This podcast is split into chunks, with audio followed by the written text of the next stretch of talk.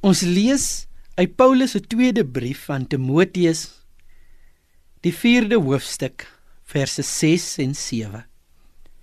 Want ek word alreeds as 'n drankoffer uitgegiet en die tyd van my heengaan is naby. Ek het die goeie stryd gestry. Ek het die wedloop volëindig.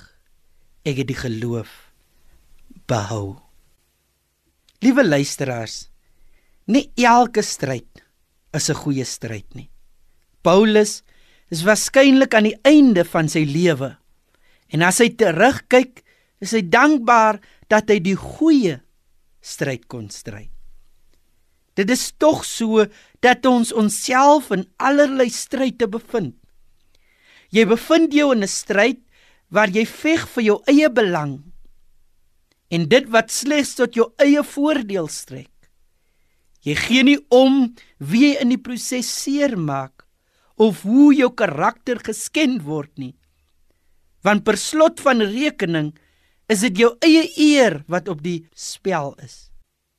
Paulus praat van 'n stryd in sy lewe en hy noem dit die goeie stryd.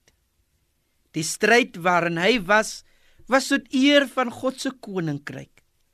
Hy het nie omgegee om verneder te word in die skande te kom en soveel ontberinge deur te maak nie want dit was vir hom die goeie stryd.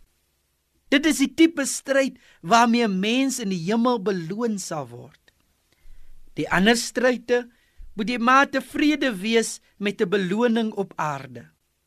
Ons wikkel ons dikwels in 'n stryd wat ons onnodig emosioneel fisies moeg maak 'n stryd wat nie 'n goeie stryd is nie.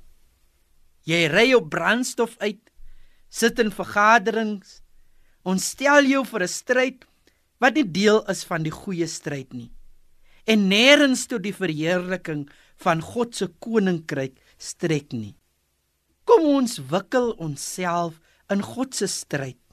Dit sal jou aan die einde soveel vreugde bring om te weet dat jou stryd van ewigheidswaarde was. Mag God ons help om die goeie stryd te stry. Amen.